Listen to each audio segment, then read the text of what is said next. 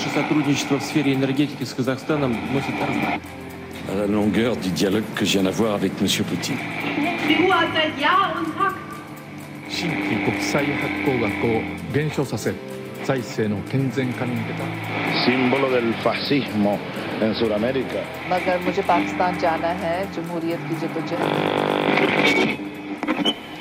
Konflikter, uro og krig.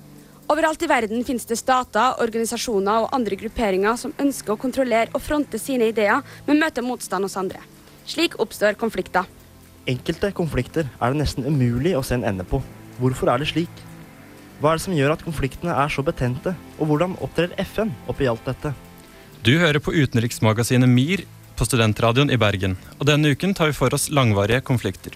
Dagens programleder Aisha Marie Heim har sammen med vår nye medarbeider Kasper Valestrand tatt for seg det store spørsmålet hvem har rett, og hva med samhandling og kommunikasjon? Og i tillegg så er ganske mange av verdens kriger opp gjennom tidene vært preget av religion. Der hørte vi altså eh, Frida Akselsen sitt eh, teaser om eh, hennes innslag om religiøse konflikter, hvordan det her spiller inn i eh, uroen. Og helt til slutt får du høre eh, om en interessant konflikt i form av Kasper Valestrands kommentar. I studio i dag er det med Aisha Marie Heim, og jeg har med meg Martin Dale Bergheim, og i dag har vi også med oss vår nye kollega Håvard Lie. Hei, Håvard. Hei, hei. Før du hører noe mer fra oss angående langvarige konflikter, skal vi gi deg ukas låt. Her har du Einar Stray Orchestra med Politrix. Hva er hovedstaden i USA? Amerika? New York. Det er jo hovedstaden, er det ikke det? I USA. Det er helt feil. Det er ingen hovedstad i USA. Hvorfor ikke det? Fordi de har Stater. forskjellige stater. Vil du lære mer om verden rundt deg? Hør på utenriksmagasinet MIR. Det er rett. Du hører på utenriksmagasinet MIR, og vi tar for oss i dag langvarige konflikter. Håvard, hva mener vi med langvarige konflikter? En langvarig konflikt er en uenighet mellom to eller flere parter der man sitter med en forskjellig virkelighetsoppfatning. Partene legitimerer handlingene sine gjennom religion, historie, ideologi eller en blanding av disse. Ok. Eh, Martin, noen eksempler på det her? Ja, det er mange. Det er flere. Det er, eh, vi har eh, Russland, Tsjetsjenia. Eh, og, eh, og Russland også har eh, Georgia, alle de landene her, mm. som er en langvarig konflikt. Og så har du Nord-Korea, Sør-Korea. Eh, Israel, Palestina, selvfølgelig. Eh, hvor vi, som vi kan gå litt nærmere på seinere. Det gjør vi. Eh, og så har du i Afrika så har du annet eh, Nord-Sudan mot Sør-Sudan. Vi har altså, altså de, Det som du sa, da, Håvard, at det bygger mye på at de, de grunner det i eh, eh, historie eller ideologi eller sånne ting. Hva har det her historiske aspektet å si for konfliktene? Eh, Jeg tror at konfliktene konflikten har, eh, det har en tendens til å bli eh, bitrere og bitrere med årene. At eh, man ser på sine forfedre eller besteforeldres eh, eh, forbrytelser og overgrep, ser på dem som modige og beundringsverdige. Ok, Så man har på en måte en slags uh, man, man vokser opp til å lære seg hvem som er fiender, på en måte? Ja, Man blir indoktrinert i et samfunn der man lærer seg å hate en folkegruppe eller en annen stat. Okay. Blir en, blir en arv?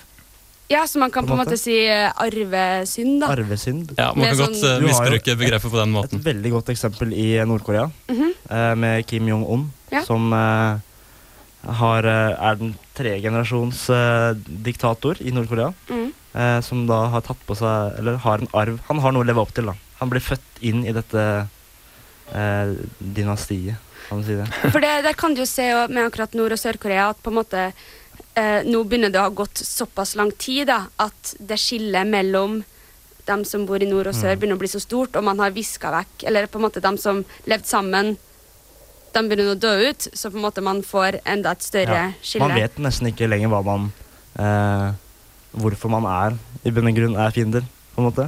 Nei. Hvis du skjønner? Det, det, det viskes litt vekk, da. Fordi du bare blir lært om at de hater du, og da gjør du det. ikke sant? Og da, da trenger du ikke å bry deg om, eh, om eh, bakgrunnen. Samtidig så begynner de økonomiske forskjellene i Nord- og Sør-Korea å bli så store at eh, en gjenforening virker veldig usannsynlig. Mm. Det blir eh, som om øst og vest eh, Tyskland, da de gjenforenes, så var det enorme økonomiske forskjeller. Mm. Vi skal snakke mer om ulike på en måte skillelinjer også på et globalt sett, men før det skal vi høre The Belligerents I Don't Want To Be In Your Arms. Brasil, Colombia, Venezuela, Argentina, eh, Chile, eh, Paraguay, eh, Uruguay. Altså i land etter land, Bolivia. Har du lyst til å kunne like mange land som Håkon Børde? Hør på Utenriksmagasinet MIR hver fredag fra 11 til 12 på Studentradioen i Bergen. Det stemmer. Du hører på Utenriksmagasinet MIR, og vi har Lange konflikter-sending.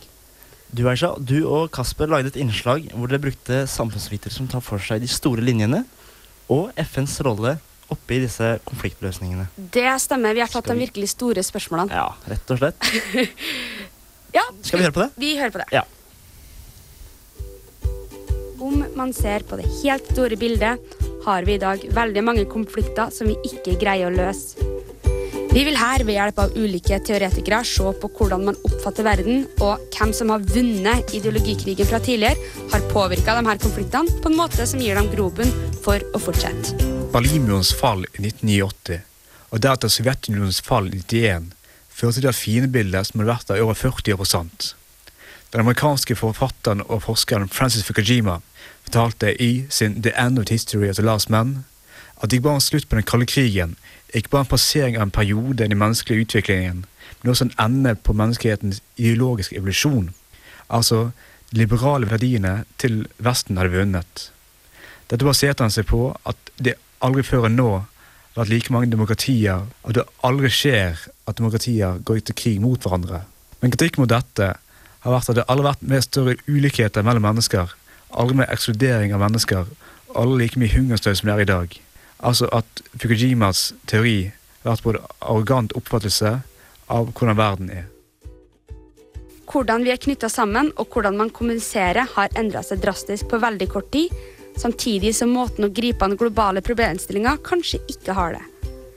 Hva konfliktene handler om, om det er en kamp om ressurser, om utvikling, identitet eller ideologi, har ikke så mye å si. For om enn i nye drakter, så fortsetter konfliktene. Vi vil heller her fokusere på det faktum at hvordan man globalt driver med konfliktløsning, ikke nødvendigvis henger sammen med den globale utviklinga. FN er et eksempel på det her. FN skal være en internasjonal organisasjon, men den bygger tydelig på en vestlig tankegang. Det kan man se med én menneskerettighetene. De er laga av noen få og er et globalt rammeverk for alle.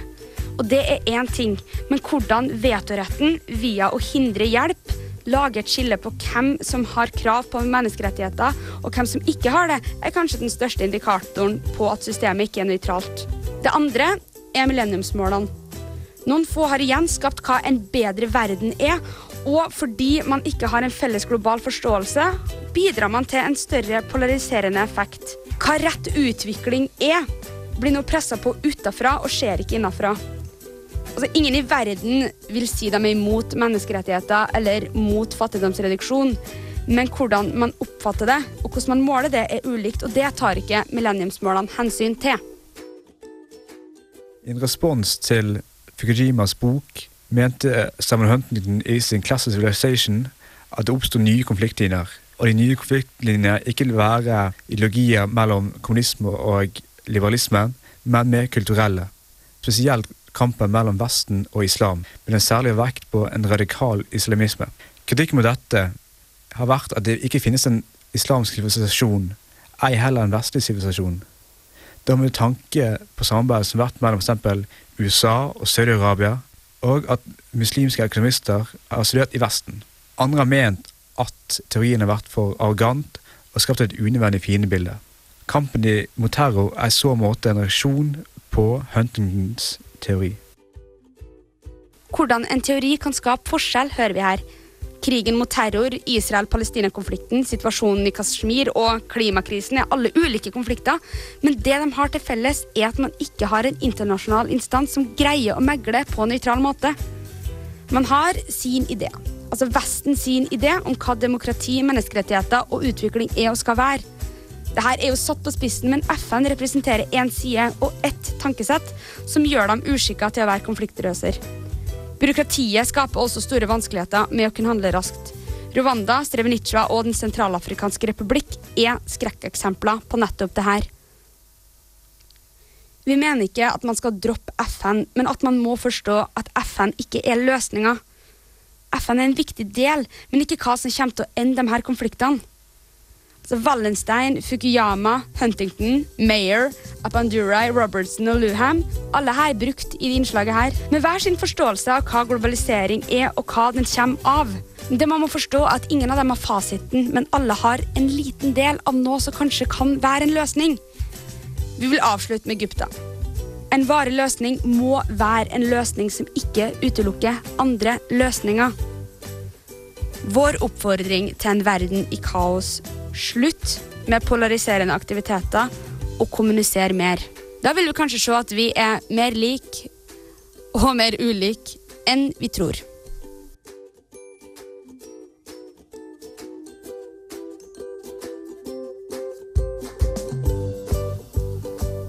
Ja, det var da altså jeg og Kasper som har tatt for oss eh, litt eh, større linjer og konfliktløsning. Altså, FN kommer vi tilbake til litt senere i sendinga, men eh, tenk bare å ta USA og Russland, fordi på en måte det ser man jo veldig tydelig i dagens konfliktbilde også.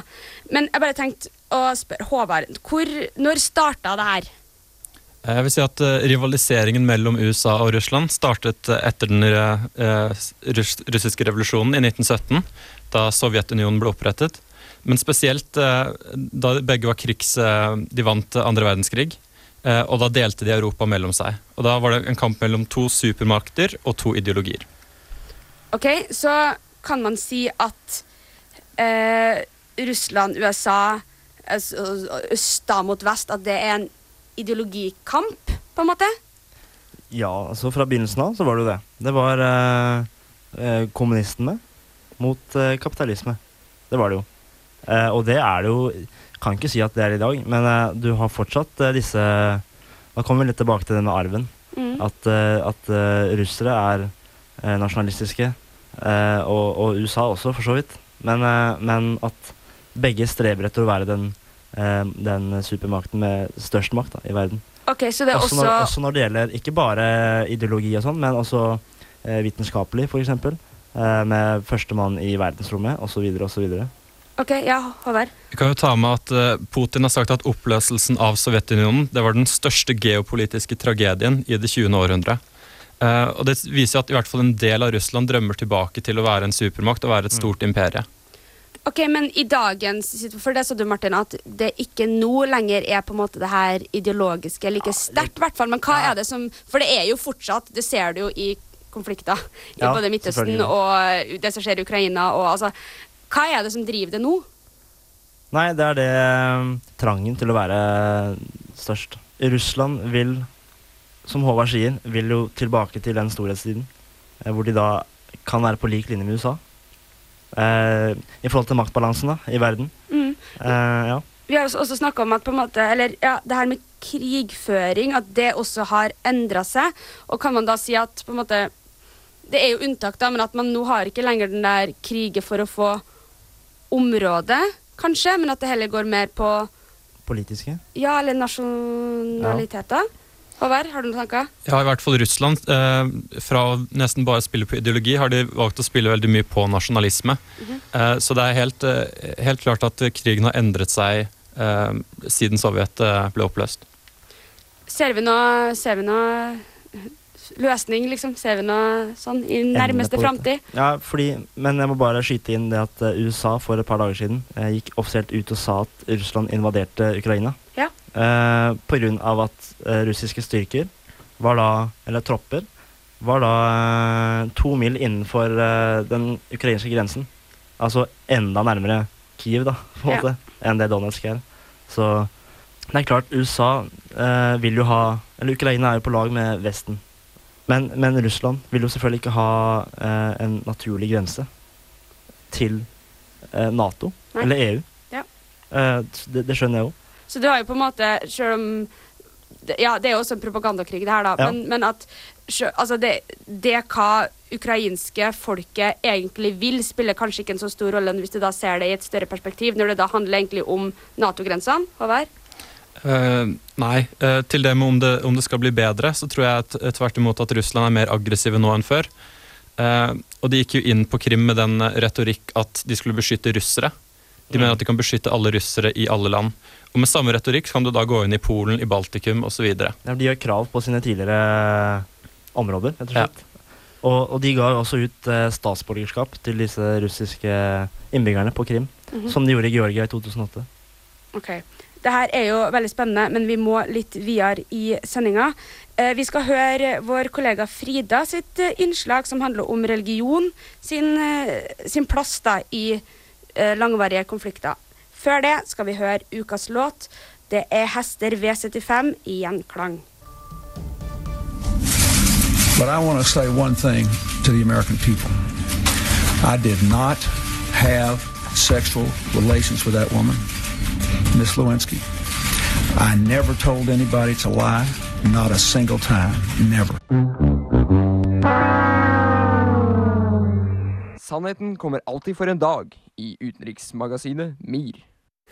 Du hører på Utenriksmagasinet MIR på Studentradioen i Bergen. Vi har sending om langvarige konflikter, og vi skal nå høre vår kollega Frida sitt innslag om eh, religion, sitt, eh, for, eller religion i krig eller langvarige konflikter, eller omvendt om man vil. Hun toucher innom Kashmir-konflikten og Israel-Palestina. Religion og politikk har vel aldri vært noen god icebreaker. Og det er vel en grunn til det.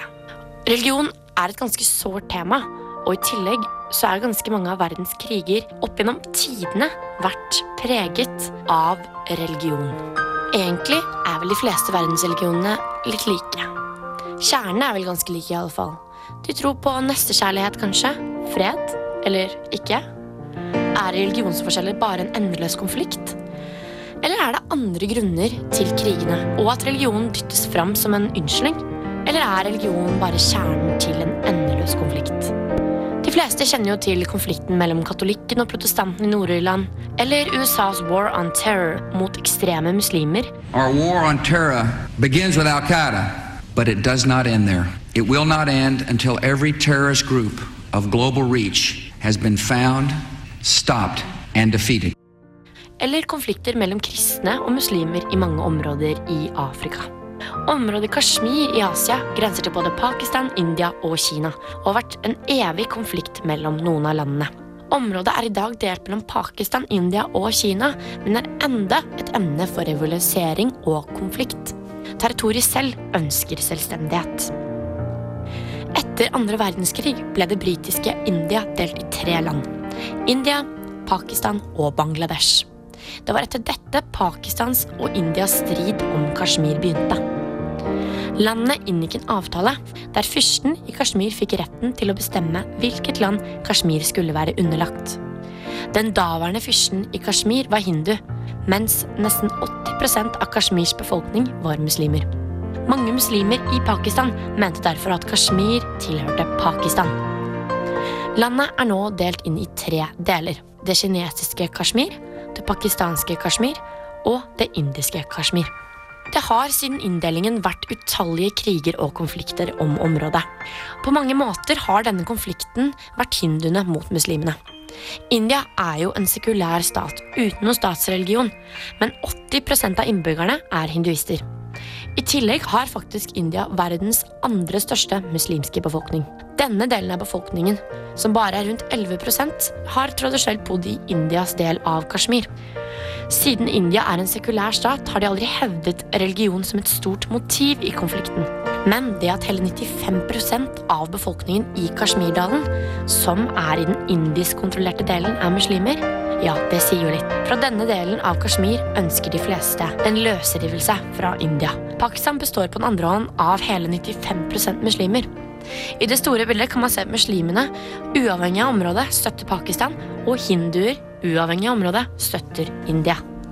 Kashmir anses også som et viktig strategisk område pga. sine fjell og naturressurser. I tillegg har flere av de store elvene i både Pakistan og India sitt utspring i Kashmir. Kontroll over vannressursene er viktig for begge land. Både India og Pakistan mener de har krav på hele Kashmir og betrakter motparten som en okkupasjonsmakt. Men begge land avslår altså muligheten for at regionen kan få status som selvstendig stat. En annen konflikt som i høy grad har hatt et religiøst preg over seg, og som også har preget nyhetsbildet i mange tiår, er konflikten mellom Israel og Palestina. Jeg skal ikke gå veldig dypt inn i denne konflikten, men det er jo greit å snakke litt grunnleggende om det. Palestina-konflikten har vært en langvarig konflikt om, område, om områder i Midtøsten. Etter mange års konflikt kom i FN i 1947 med en anbefaling om at Palestina burde deles i to, der jødene ble tildelt 54% av jorda, mens palestinerne fikk 46% dette ble akseptert av jødene, mens palestinere, som utgjorde 70% av befolkningen, ønsket ikke at det skulle etableres en jødisk stat på det de mente var sin jord. Før FN rakk å behandle saken ferdig, proklamerte imidlertid den sionistiske ledelsen i Palestina i 1948 staten Israel for opprettet. Siden har det i jevne mellomrom vært krigføring mellom de to partene. Tradisjonelt har Palestina fått støtte av arabiske land, mens Israel har fått støtte av USA. Og man kan kanskje hevde at konflikten har fått et religiøst preg over seg. Begge konfliktene handler jo i bunn og grunn om helt andre ting enn religion. Men samtidig er det ikke så rart at konflikter kan farges av tradisjonene og etnisiteten til flertallet i landet. Så religion er kanskje ikke roten til alt vondt, men religion kan være et sterkt virkemiddel i krig. Og religion kan brukes som propaganda. Religion kan brukes til å få støttespiller eller til å få nye fiender. Kanskje jeg er litt naiv og idealistisk. Jeg tror at de fleste verdensreligionene har noe til felles. Kjernen ved religionene er jo tro på en god høyere makt. Ikke noe som er vondt eller, eller skaper krig. Det er jo som sagt ikke den beste icebreakeren i verden å snakke om religion og politikk. Men vi kan ikke se bort fra det faktum at i mange år, kanskje helt siden tidenes morgen, så har religion og krigføring noen ganger gått hånd i hånd.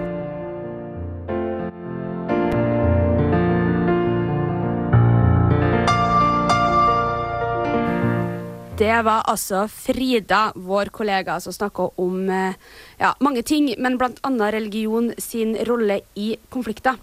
Og Martin mm. eh, og Håvard. Vi har jo to forskjellige, Dere går jo to forskjellige studielinjer her. Vi har Sampol på det, Håvard, og økonomisk geografi på det.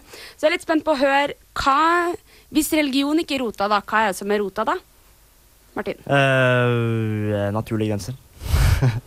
Nei, men ok, fordi in, eller britisk, eh, britiske kolonialiseringen Ja. De hadde India og Pakistan.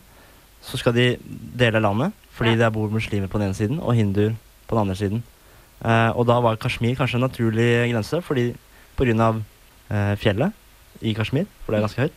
Eh, og eh, da bodde kanskje Eller det bor muslimer på begge sider av dette fjellet. Og selv om det var en naturlig grense, så var det kanskje ikke eh, Skal jeg si det bor jo muslimer i India, for å si det sånn. da. Og, og uh, OK, så det du prøver å si her nå, er at uh, man burde ha lagt landegrenser ettersom hva slags etnisk Nei. eh, Eller liksom tilhørighet. Man har religiøs tilhørighet, da. Ja, eller nei. Eller det er kanskje det det høres ut som. Men uh, det jeg prøver å si, er at at du kan jo ikke bare sette en grense der og så si at eh, dere er hinduer. på en måte. De er muslimer. Kan ikke tvangsflytte dem heller. Eh, skjønner du? Skjønner. Men at eh, det er en slags eh, eh, At det må jo gå hånd i hånd, da, i så fall. Eh, hvis ikke det skal være naturlig grense.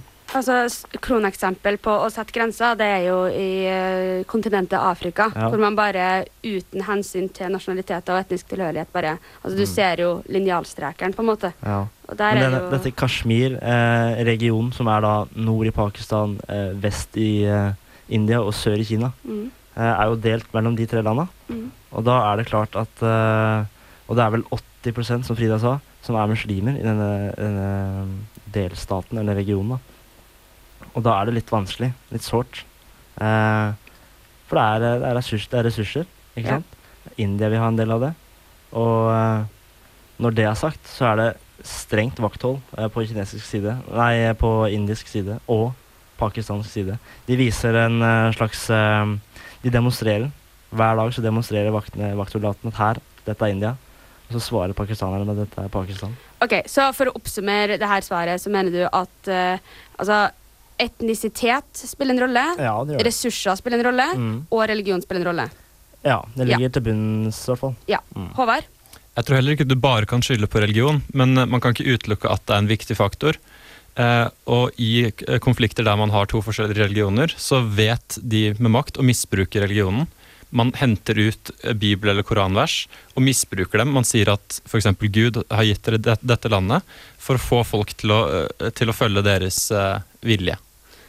Ok, så, Men i eksempel den her krig mot terror, der er jo også religion, da. Det er jo, sagt, altså det er jo en Det blir misbrukt. Det blir misbrukt. Det Hvordan gjør det. Hvordan? Ja. Eh, at uh, f.eks. IS, som drar med seg De sier at vi, vi skal bli en muslimsk eh, verden. Eh, og de er jo ikke muslimer, i mine øyne. Det er terrorister. Ikke sant? De drar med seg, de sier at vi Og da drar de med seg alle uskyldige muslimer. Ja, fordi Al Qaida har jo tatt avstand fra IS. Håvard, hadde du noe du Ja, skulle De har faktisk tatt avstand fra IS fordi de har for drøye metoder, og det er ganske sensasjonelt. Men eh, ja, jeg tror, eh, jeg tror eh, heller ikke at det er, eh, det er sånn islam er tenkt å være. Men de, som sagt så tar de enkelte vers ut fra kontekst, og så misbruker de det for å lage en ekstrem retning som ikke representerer islam, men, men de mener dette, dette er en, den riktige måten å tolke islam på. Og det IS prøver på, det er å opprette denne en stat med disse ideologiene i Midtøsten. Eller Levanten, som er da området rundt. Men OK, fordi USA for, OK, men, men OK, fordi OK. Beklager, nå ble det mange tanker på en gang her. Men man sier jo en av de store retorikkene man har fulgt, er jo at på en måte man skal ikke man skal ikke diskutere med terrorister. Man skal ikke ha en samtale med terrorister, man skal ikke gå med på noen krav. Og sånn som jeg har forstått så gjør man ikke nå noen forskjell på om det er noen som er en del av Al Qaida, eller om det er sånn IS, da. Burde man som et vestlig land, eller som Burde man ha gjort forskjell på det? Eh, Jeg tror i hvert fall eh, helt klart at det er ikke med på å løse konflikten å, ikke snakke sammen. Det er jo gjennom dialog man kommer frem til en løsning. Man har f.eks. terrorstemplet Hamas, og det kan være veldig riktig at de bruker eh, terror som middel. Men nå er det faktisk de som eksempel, La oss ta Hamas, da. Så er det de som har kontroll over Gazastripen. Og vil du ha en løsning der, så må du Da kan du ikke kutte ut all form for dialog. Det her er en veldig veldig spennende diskusjon, men vi må faktisk eh, videre i sendinga. Vi skal eh, snakke om konfliktløsning, og da eh, se litt på FN. Før det skal vi høre Shannon Saunders' 'Sheet'. And we go a little something like this. Hit it. President Obama said he did not feel that he deserved to be in the company of so many. The committee has attached special importance to, to Obama's vision of and work for a world free from nuclear that have been honored by this prize and whose courageous pursuit of peace has inspired the world. For more inspiration, utenriksmagasinet MIR. Du hører på Utenriksmagasinet MIR på Studentradioen i Bergen. Vi har om langvarige konflikter. I studio i dag har du med Aisha. Meg, Martin. Og meg, Håvard. Men nå skal vi, eh, før vi hører litt mer om FN og Sikkerhetsrådet, skal vi høre en kommentar, eh, i form, eh, eller en kommentar av Kasper Valestrand, vår nye medarbeider, som tar for seg en litt eh, artig og litt seriøs eh, vri på dette med evigvarende konflikt. Ja, vi hører på det. Ja.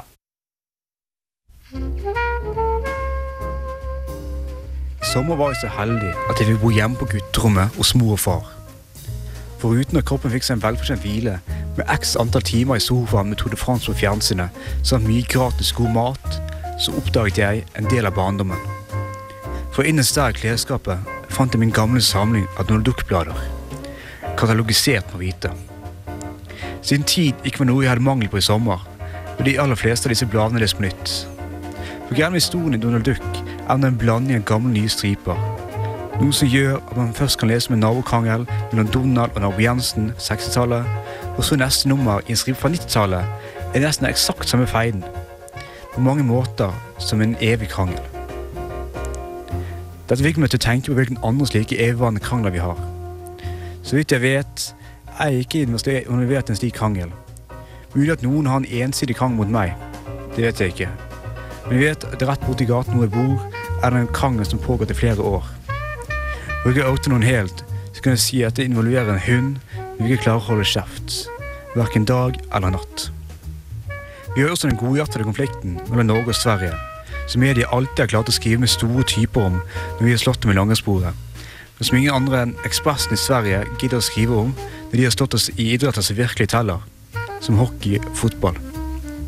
På mange måter blir dette som en ensidig krangel, hvor Akersgaten viser frem alle sine mindreverdighetskomplekser.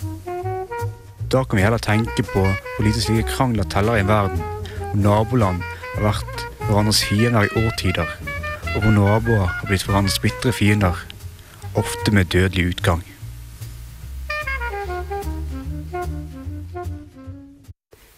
Der hørte vi vår nye medarbeider Kasper. Det vi skal snakke om nå, er jo eh, konfliktløsing. Gjennom hele sendinga har vi tatt for oss langvarige konflikter, og vi skal nå se på man, eh, hvorfor man ikke har greid å løse de her Mm. Veldig vanskelig spørsmål, men uh, vi prøver. Vi prøver. Og vi uh, skal da se litt på FN og Sikkerhetsrådet. Altså, Min påstand er jo at FN ikke er den optimale konfliktløseren fordi den ikke har nok legitimitet, og fordi de ikke er effektive nok da, til å kunne ja, gå inn når det, når det trengs. F.eks. Rwanda er jo skrekkeksempelet. Mm. Kan du fortelle hva som skjedde der? Håvard? Eh, ja, eh, I Rwanda så hadde et folkemord der eh, FN viste, viste helt klart sine begrensninger. Heller enn å rykke inn, så trakk de seg ut, og det verden sto og så på.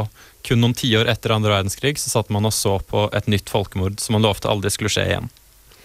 Det stemmer. Og altså, ok, FN sitt sikkerhetsråd er det som sitter og bestemmer hvor man skal gå inn. Eh, på en måte. Og De består av fem stormakter. Martin? Disse kjernelandene, som er eh, Frankrike, eh, Storbritannia, eh, Kina, er det med? Ja. Sovjet og USA. Russland. Ja, selvfølgelig. Men hva er det, hvorfor er det For det som er spesielt med dem her, er jo at de har vetorett.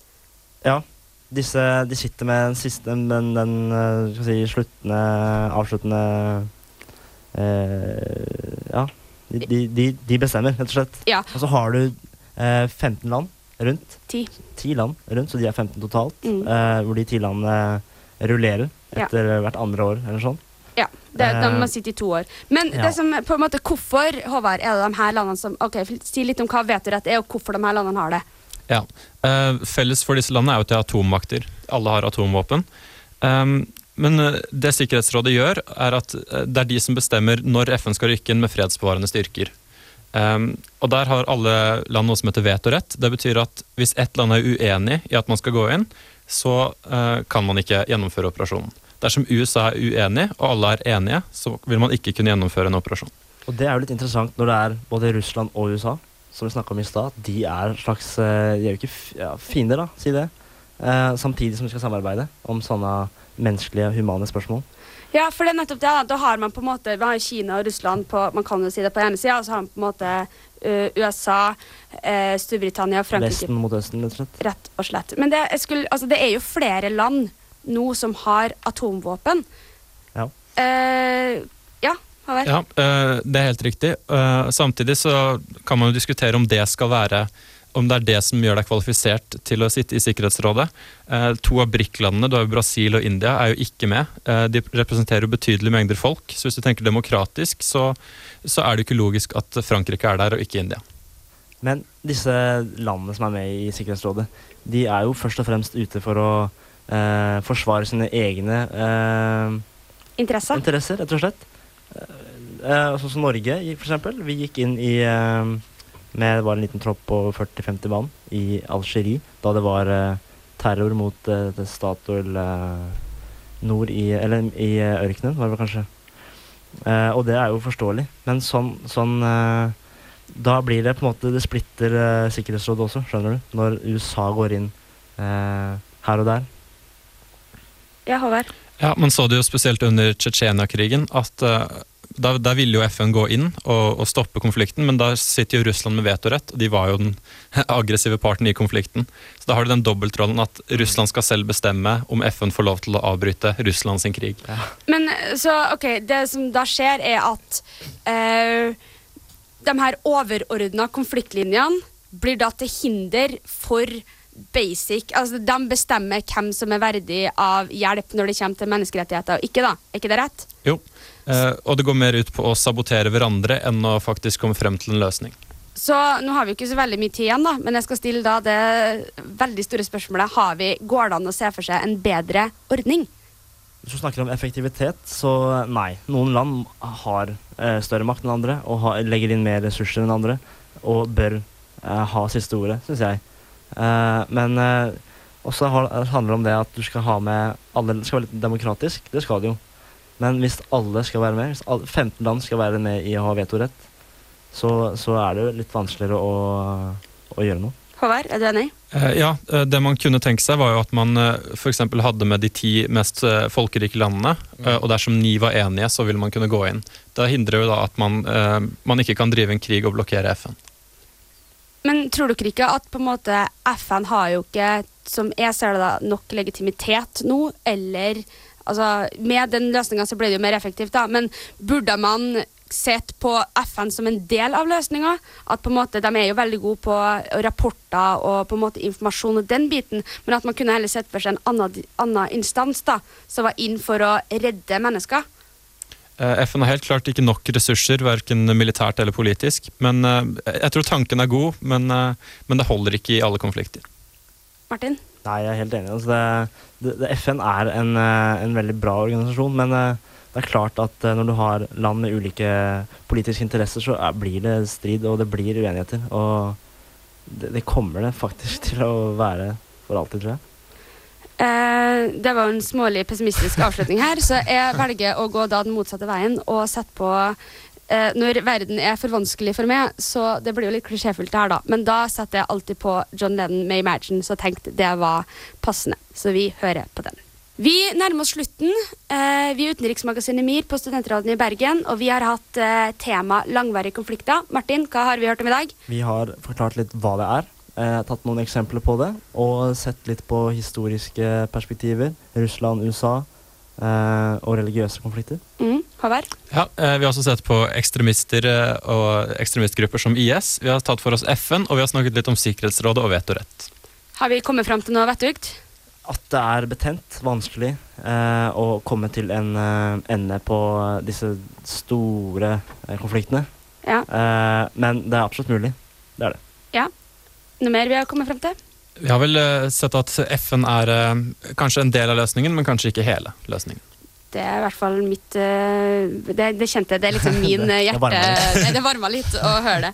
Um, du kan jo følge oss på Facebook. Du kan følge oss på Twitter og Instagram. Gjør gjerne det. Og vil du høre sendingen om igjen, eller du ikke fikk med deg alt, så kan du gå inn på srib.no slash podkast. Ja, Har du noe på hjertet, så er det bare å sende oss en tekstmelding med kodeord SRIB til 1963. I studio i dag så har vi jo hatt med Aisha. Og meg, Martin. Og meg, Håvard. Vi ønsker dere en god og langvarig helg. Humor. Lang Eh, og vi avslutter da vår sending med St. Pepsi med Fall Harder. God helg. God helg. God helg.